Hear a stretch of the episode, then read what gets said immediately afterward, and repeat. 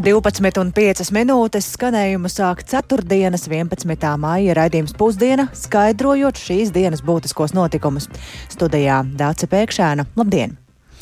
Un sākam ar šī rīta notikumiem, kad vairāki simti mediķu un pacientu pulcējās pie saimas, lai pieprasītu politiķiem pildīt solījumus par veselības aprūpes finansējumu. Protestētāji aicināja steidzami meklēt risinājumu tam, lai vēl šī gada budžetā izdevumus veselībai palielinātu, brīdinot, ka pretējā gadījumā jau septembrī var nākties slēgt plānveida pacientu pieņemšanu. Un studijā šobrīd ir ieradusies kolēģi Agnīna Lazdiņa, kuram bija šajā protestā un arī zina par to stāstīt vairāk. Sveika, Agnija! Kā noritēja pikets un uh, ar kādu pārliecību dalībnieki ieradās? Labdien! Protests noritēja mierīgi. Pie saimas ēkas bija norobežota vieta, kur visiem atnākušajiem cilvēkiem bija paredzēts sastāties, un notiekošo uzraudzīja arī policijas pārstāvi. Dalībnieki ieradās ar plakātiem, uz kuriem bija tādi uzraksti kā maksā vai mirsti, vai arī ārsti ir kaut kas vairāk nekā baltie halāti. Arī visiem tika izdalīti sarkani baloni un karodziņi, uz kuriem vēstīts par pieejamu un kvalitatīvu veselības aprūpi. Tāpat netālu no saimas ieejas bija izvietotas sveces un arī arī noliktas mediķu un pacientu organizācijas rakstītās vēstules, kuros pausts aicinājums meklēt risinājumus finansējuma palielināšanai veselības aprūpei.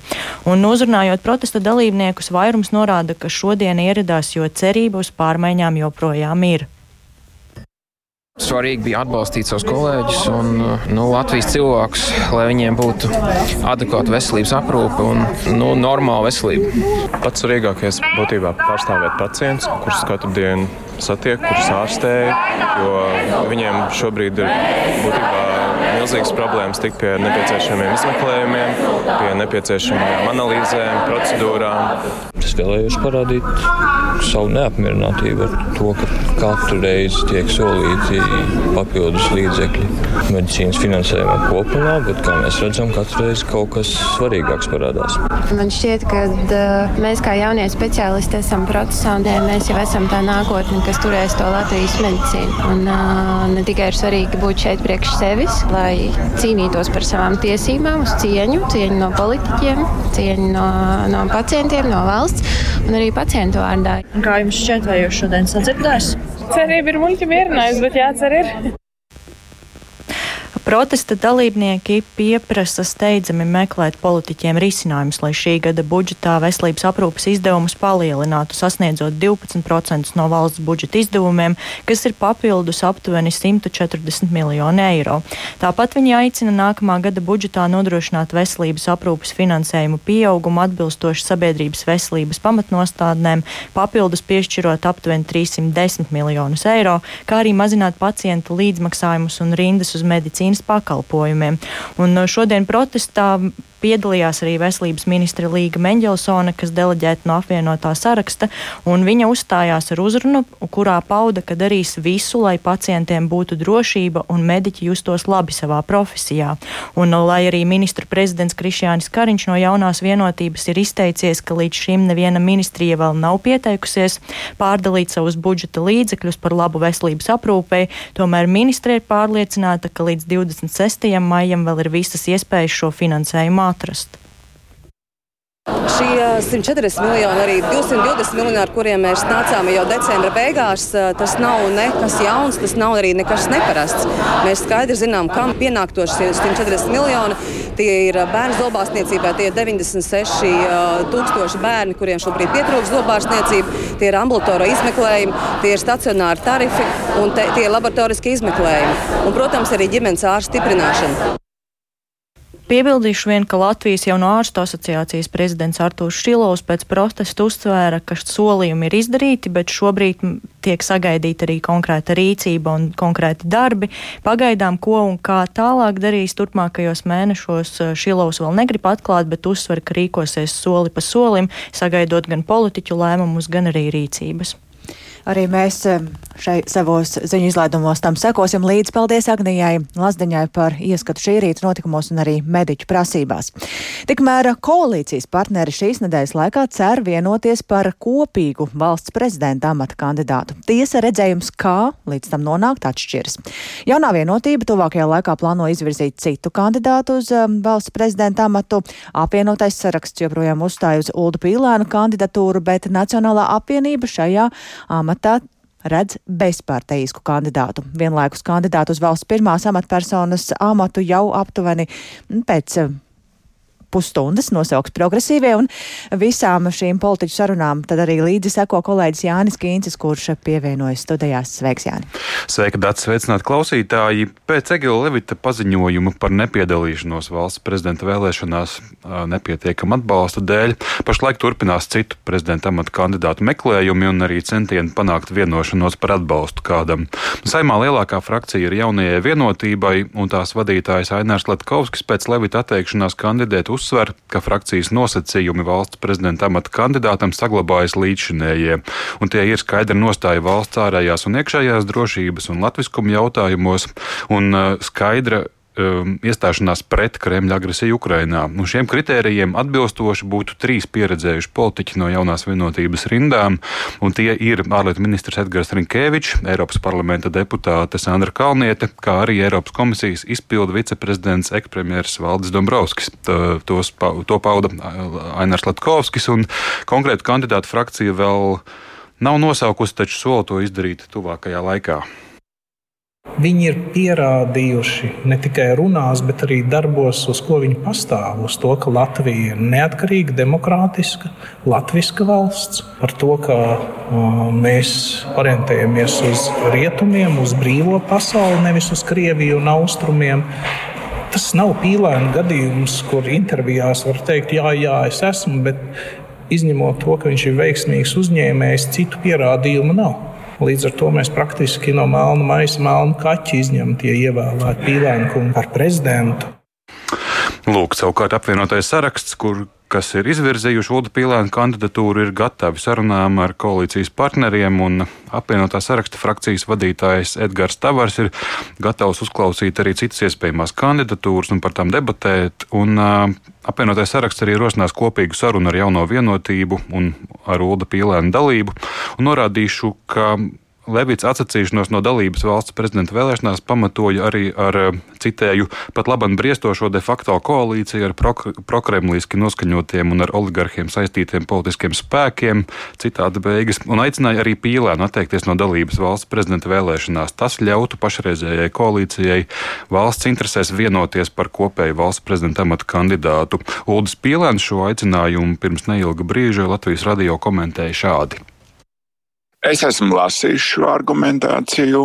Man liekas, ka tur ir daudz dīvainības. Nu, skatīsimies tālāk, kāda būs jaunās vienotības reakcija. Un gaidīsim, kas tur notiks. Es neredzu nekādu pamatu noņemt man savu kandidatūru. Es esmu piedāvājis tikties ar visām frakcijām, sākt ar jauno vienotību, kā lielāko frakciju, un tad pēc frakciju lielumu iziet cauri visām frakcijām, kas man aicinās vismaz savu gatavību esmu paudis. Savukārt Nacionālā apvienība, kas virzīja Levita kandidatūru, citu pretendentu uz šo amatu nepiedāvās, bet arī dzen uzsver nepieciešamību koalīcijai vienoties par vienu kandidātu. Un uh, Nacionālās apvienības frakcijas vadītāja vietnieks Jurģis Klotiņš gan komentēja, ka Nacionālā apvienība neatbalstītu jaunās vienotības biedru virzīšanu šajā amatā jo, un būtu jāvienojas par bezpartijisku kandidātu. Un lūk, šajos apstākļos, kad koalīcijas spēja vienoties par nākamo valsts prezidenta amatu pretendentu vismaz pašlaik ir zem zem lielas jautājuma zīmes. Mm, aizkadrā, protams, aktualizēs arī jautājums par iespējamām izmaiņām koalīcijā, varbūt valdībā. Un, ieskatoties vēsturē, 1999. gadā valdība krita neilgi pēc vairs Vīķis Freibergas ievēlēšanas arī dzen ar opozīcijas balsīm. Un uz jautājumu par to, vai šādi pavērsieni varētu notikt arī pēc šogad māja beigās gaidāmajām vēlēšanām, politiķa atbildes, protams, ir visai atturīgas. Taču, protams, savu lomu varētu nospēlēt arī Zaļo un Zemnieku savienība, kas ir otra lielākā frakcija saimā un šobrīd ir saimnes opozīcijā. Viņi būšot gatavi uzklausīt visus uh, valsts prezidenta amata kandidātus. Paklausīsimies, ko teica viens no ZZS līderiem - Viktors Valainis. Saprotot viņu politisko redzējumu par situāciju, gan ārpolitiski, gan iekšpolitiski, nu, mēs tad arī izdarīsim savu izvēli. Vienīgais kandidāts, kam nebija iespējas dabūt Zaļo zemnieku savienības balsis, bija Igils Levits. Visiem pārējiem šīs iespējas ir atvērtas. Mēs šajā ciklā izvērtējot visus plusus, mīnusus, savus kandidātu izvēlējāmies nevirzīt, bet vērtēsim citu politisko partiju iesniegtos. Un jau pavisam drīz, kā jau runāts, apmēram pēc pusstundas savu kandidātu, vai precīzāk kandidāti uz valsts prezidenta amatu paziņos saimnes opozīcijā esošā progresīvo frakcija. Līdz ar to uz valsts pirmās amatpersonas amatu būs vismaz trīs pretendenti. Līdz ar to gana daudz vēl dažādu pavērsienu varētu būt. Paldies Jānim par šo skaidrojumu un to, ka process ap prezidenta vēlēšanām ir kļuvis interesantāks. To šorīt kolēģei Dairai Zīlai programmā labrīt atzina arī Rīgas Stradiņa Universitātes politikas zinātņu katedras lektore Lelda Lelde Metla Rozentāla reaģējot uz valsts prezidenta paziņojumu par atteikšanos kandidēt uz nākamo termiņu un runājot par neoficiāli izskanējušo ārlietu ministra Edgara Rinkēviča iespējamo virzīšanu uz, ja, no jaunās vienotības puses, tad viņi sacīja, ka tā noteikti būtu ļoti spēcīga kandidatūra. Viņa iztur visus tos kritērijus, ko citi ir izvirzījuši, ka viņš ir gan politiski populārs cilvēks, tauta viņu atbalsta. Mēs zinām, visos reitingos viņš ir viens no mīlētākajiem politiķiem pretēji citiem.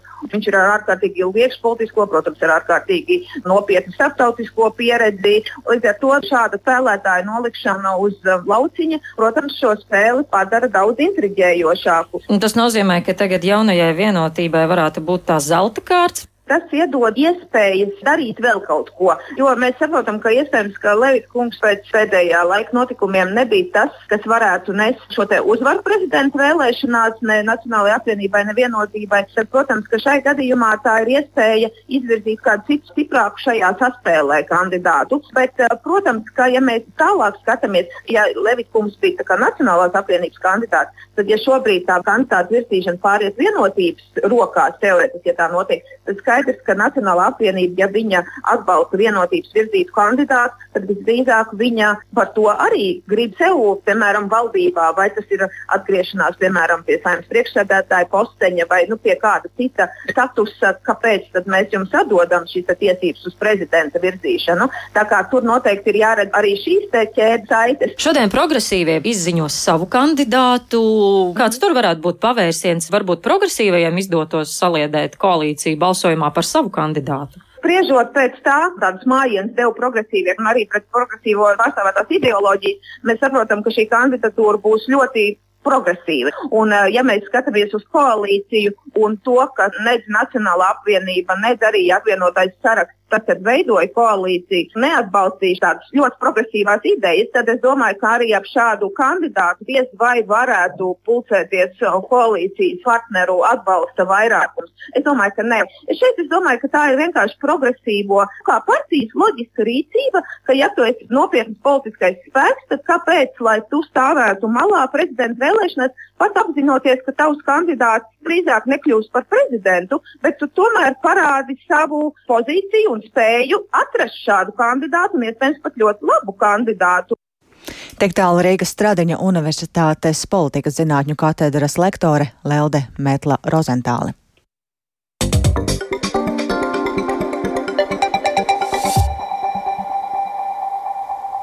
Un turpinām ar to, ka ir pieaugusi politiskā spriedze Gruzijā pēc tam, kad Krievija nolēma atcelt vīzu režīmu ar Gruziju un atļaut atjaunot tiešos pasažieru lidojumus starp abām valstīm. Gruzijas valdība Kremļa lēmumā problēmu nesaskata, bet valsts prezidenta un opozīcijas partijas to asi kritizē. ASV ir brīdinājusi, ka var noteikt sankcijas pret Gruziju, ja tā atļaus tiešos lidojumus no Krievijas. Vairāk stāsta Uldis Tiesberis. Krievijas prezidents Vladimirs Putins vakar parakstīja rīkojumus par vīzu režīmu atcelšanu ar Gruziju un par tiešo lidojumu atjaunošanu starp abām valstīm.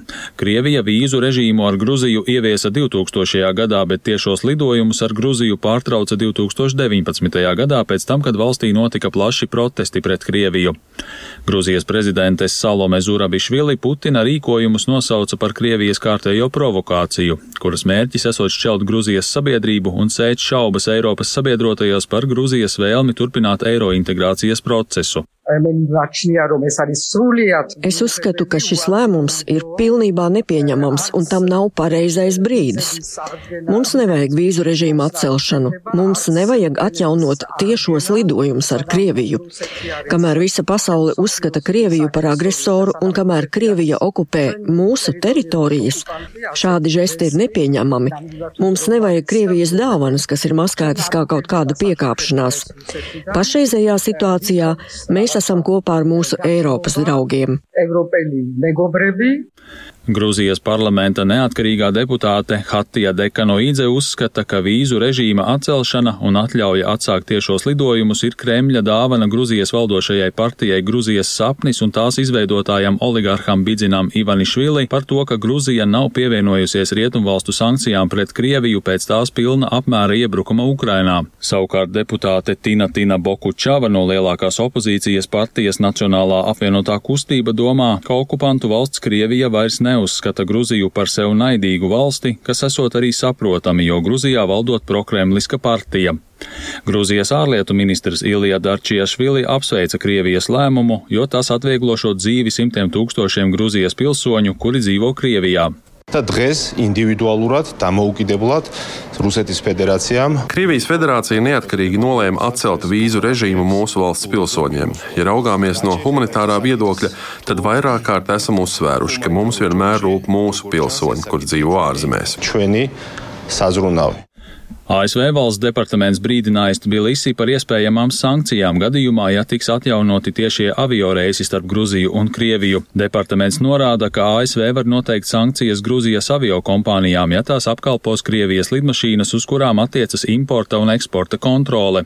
Valsts departaments arī uzsver, ka rietumu pasaule cenšas saraut saites ar Kremļa režīmu, tāpēc tagad nav īstais laiks padziļināt attiecības ar Krieviju. Gruzijas ekonomikas ministra vietniece Marija Makvrišvili paziņoja, paziņoja, ka Gruzija neatļaus ielidot valstī sankcijām pakļautām aviokompānijām un lidmašīnām. Uldis Česberis, Latvijas radio.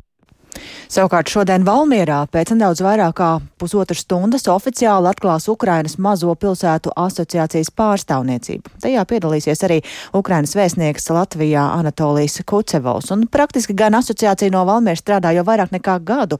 Kādi ir tās mērķi un uzdevumi? To vairāk stāsta vidzemes korespondente Gunta Matisone. Я приехала сюда как ну, беженка фактически, да, с двумя девочками. Ukrainas mazo pilsētu asociācijas izpildirektora Oksana Kirļuka stāsta, ka viņas lēmumam doties bēgļu gaitās vispirms pamatā bija doma par abu meitu drošību. Dzīves biedrs viņai palika Ukrainā, bet viņa ar meitām nu jau vairāk kā gadu ir Valmierā. Un kā stāsta Valmieras novada domas priekšādātāja vietnieks Ričards Gailums, te arī turpina savu darbu. Principā tā pārstāvniecība jau darbojās līdz ar uh, Oksanas Kriļukas ienākšanu mūsu domē. Oksana ir arī mūsu domas oficiāls darbinieks un principā arī kā tāds tiltiņš arī uz Ukraiņu kopienu šeit. Oksana Kirļuka dzīvojot un strādājot Valmierā, vispirms jau iesaistījās palīdzības kravu organizēšanā, un te lieta noderēja viņas kontaktu ar Ukraiņas pašvaldībām, lai gādātu tieši tās lietas, kuras ir konkrētajai vietai nepieciešamas.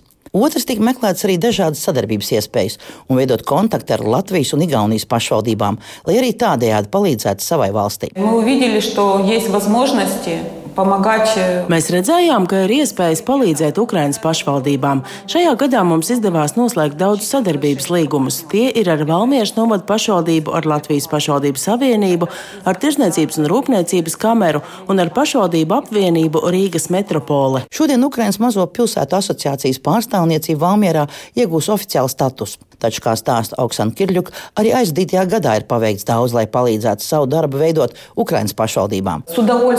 Speciālisti, eksperti. Latvijas speciālisti un eksperti labprāt piekrita dalīties pieredzē. Mums bija ļoti daudz video semināru. Šajā laikā, kopš ir kara darbība, ir bijuši vairāk nekā 140 pieredzes apmaiņas video semināri. Katrā piedalījās no 50 līdz 100 Ukraiņas pašvaldību pārstāvju. Es redzu, ka tas, ko mēs darām no šejienes, Ukrainā ir nepieciešams. Мы здесь делаем востребовано в Украине. Viens no video semināriem, kas piesaistīja lielu Ukraiņas pašvaldību interesi, bija par vidzemnieku pieredzi atkrituma apsaimniekošanā. Savukārt Latvijas pašvaldības, kā stāsta Ričards Gailums, varētu gūt pieredzi no Ukraiņiem civilajā aizsardzībā. Ja mēs šeit arī varbūt reizi gadā vai varbūt pāris reizes gadā veicam kaut kādas izspēles, tad tur ir cita civila aizsardzība un noteikti var būt arī kaut kas ar mums pārņemams. Pieredzes gūšanu un mācīšanos Oksana Kirļuka uzsver arī stāstot par pārstāvniecības darbības turpmākajiem mērķiem, un viens no galvenajiem ir saistīts ar Ukrainas iestāšanos Eiropas Savienībā. Mēs ceram un ticam, ka pēc uzvaras mēs kļūsim par pilntiesīgiem Eiropas Savienības dalībniekiem. Tāpēc jau tagad mums ir jāgatavo mūsu pašvaldības šiem Eiropas Savienības standartiem. Piemēram, ja mēs runājam par sagrauta bērnu dārza atjaunošanu, tad, protams, tas ir jāatjauno tā, lai būtu labāks kā bija un lai tas jau atbilstu visām Eiropas Savienības normām. Vēl viens būtisks darbības virziens Ukrainas mazo pilsētu pārstāvniecībai Latvijā būs arī risināt jautājums, kas ir saistīti ar Ukrainas atjaunošanu pēc kara. Oksana Kirļuka arī uzsver, ka paralēli šiem darbības mērķiem šobrīd, kad ir vēl kara darbība, būtiski ir arī turpināt humanās palīdzības sniegšanu tām Ukrainas pašvaldībām, kur teritorijas piedzīvo Krievijas armijas apšaudes. Gunta Matsona, Latvijas Rādio vidzemē. Tikmēr šodien Rīgā viesojas Eiropas Savienības konkurences komisāra Margarēta Vestegere. Ar Latvijas amatpersonām viņa apspriež dažādus tematus, tostarp, cik Eiropa ir gatava digitālajam laikmetam un vairāk par komisārs vizīti zina stāstīt kolēģis Rihards Plūme, kurš šobrīd atrodas ministru kabinetā. Sveiks, Rihard! Jā, labdien! Šobrīd atrodos ministru kabinetā, kur pirms neilga laika noslēdzās arī Eiropas Savienības konkurences komisārs Margarets Vestagers un ministru prezidenta Krišāņa Kāriņa preses konferences. Amatpersonas ir pārunājuši dažādus jautājumus. Pirmkārt, jau tika piesaukta Ukraina, proti abas puses pauda viedokli, ka ir būtiski turpināt atbalstīt Ukrainu dažādos veidos, tostarp palīdzot tai virzībā uz dalību Eiropas Savienībā, arī palīdzēt humanitāri, militāri un jebkā citādi. Tāpat esot jādomā, kā tad atjaunot militāros krājumus Eiropā, kas šobrīd ir patukšoti, palīdzot Ukrainai. Jādomā arī par veidiem, kā nepieļaut sankciju apiešanu, par ko jau daudz runāts un par ko arī Eiropa jau šobrīd domā strādājot pie 11. sankciju paketes. Kariņš piebilda, ka pārunāti arī citi izaicinājumi, kas ir skāruši Eiropu, proti Covid pandēmijai sekoja enerģētikas krīze, tagad arī inflācija, kas slāpē ekonomiku visā pasaulē un arī Eiropas Savienībā. Tādēļ ir ļoti svarīgi Eiropas kopējo ekonomikas un enerģētikas politiku pārskata, tā teikt, pārskatīta, lai padarītu dalībvalstu ekonomikas mazāk ievainojamas nākotnē. Abas amatpersonas arī norādīja, ka ir jādomā par to, kā Eiropai dažādos sektoros mazināt atkarību no viena piegādātāja, īpaši kritisko izēvielu jomā. Šajā ziņā, protams, Krievijas izvērstais karš Ukrainā ir atvēris acis. Jāpalielina arī piegāžu ķēžu drošību un jātīsta dažāda veida ražošana Eiropā, tostarp arī militārajā jomā. Jā. Jā. Paldies tev, Riharda, par šo ieskatu un vēl mūsu programmā par to, ka šodien noslēdzas sabiedriskā apspriešana Rīgas domas saistošiem noteikumiem par ielu tirzniecību. Domas komercdarbības koordinācijas nodaļas vadītāja pienākumu izpildītāja Laine Rodziņa Latvijas radio pastāstīja, ka viens no iemesliem, kādēļ ir vajadzīgi jauni noteikumi, ir nepietiekamais trokšņa regulējums pilsētā, kas attiecas arī uz bāru un kafejnīcu āra teresēm, un par to ir daudz iedzīvotāju sūdzību. Viena no lietām, kuras bija nepieciešams precizēt, tas bija saistībā ar šīm skaņu pastiprinošu iekārtu izmantošanu ārā kafejnīcās, kuras mēs esam ietvēruši turpmāk uzņēmējiem norādīt, ja viņi šādas iekārtas izmanto, un mēs to norādām atļaujās, un līdz ar to tālāk pašvaldības policijai būs tiesības kontrolēt šo skaņu pastiprinošo iekārtu izmantošanu, jo šis priekšlikums arī nāca tieši no pašvaldības policijas puses, un tas tika ietverts saistošajos noteikumos. Jo Jo līdz šim šī problēma bija tieši ar to, ka nebija regulējuma kā tāda, lai vispār varētu šo kontroli veikt. Gadījumos, kad tas traucē, piemēram, iedzīvotāju naktsmieru. Jāpiebilst, ka iedzīvotāji vēl savus ierosinājumus par ielu tirzniecību var šodien izteikt elektroniski Rīgas domas mājaslapas sadaļā aktuāli, un vairāk par šo tematu stāstīsim arī raidījumā pēcpusdiena. Un ar to izskan redzījums pusdiena. Producente Ilze Agīnta ierakstus montēja Uldis Grīnbergs par labskaņu rūpējās Rita Karnača un ar jums sarunājās Dāca Pēkšēna. Vēl īsi par būtiskāko mediķu un pacienti piketā prasa finansējumu veselības aprūpei. Koalīcijas partneri cer vienoties par kopīgu valsts prezidenta amata kandidātu, bet redzējums, kā to panākt, joprojām atšķiras. Gruzijā pieaug politiskā spriedze pēc tam, kad Krievija nolēma atcelt vīzu režīmu ar šo valsti, un Eiropas Savienības konkurences komisāre ar amatpersonām apspriež digitālos jautājumus. Latvijas radio ziņas un raidījumi arī raidierakstu platformās, arī mūsu mobilajā lietotnē, un tajā esam atrodami kā dienas ziņas. Mūsu ziņām var sekot līdzi arī sabiedrisko mediju portālā LSMLV.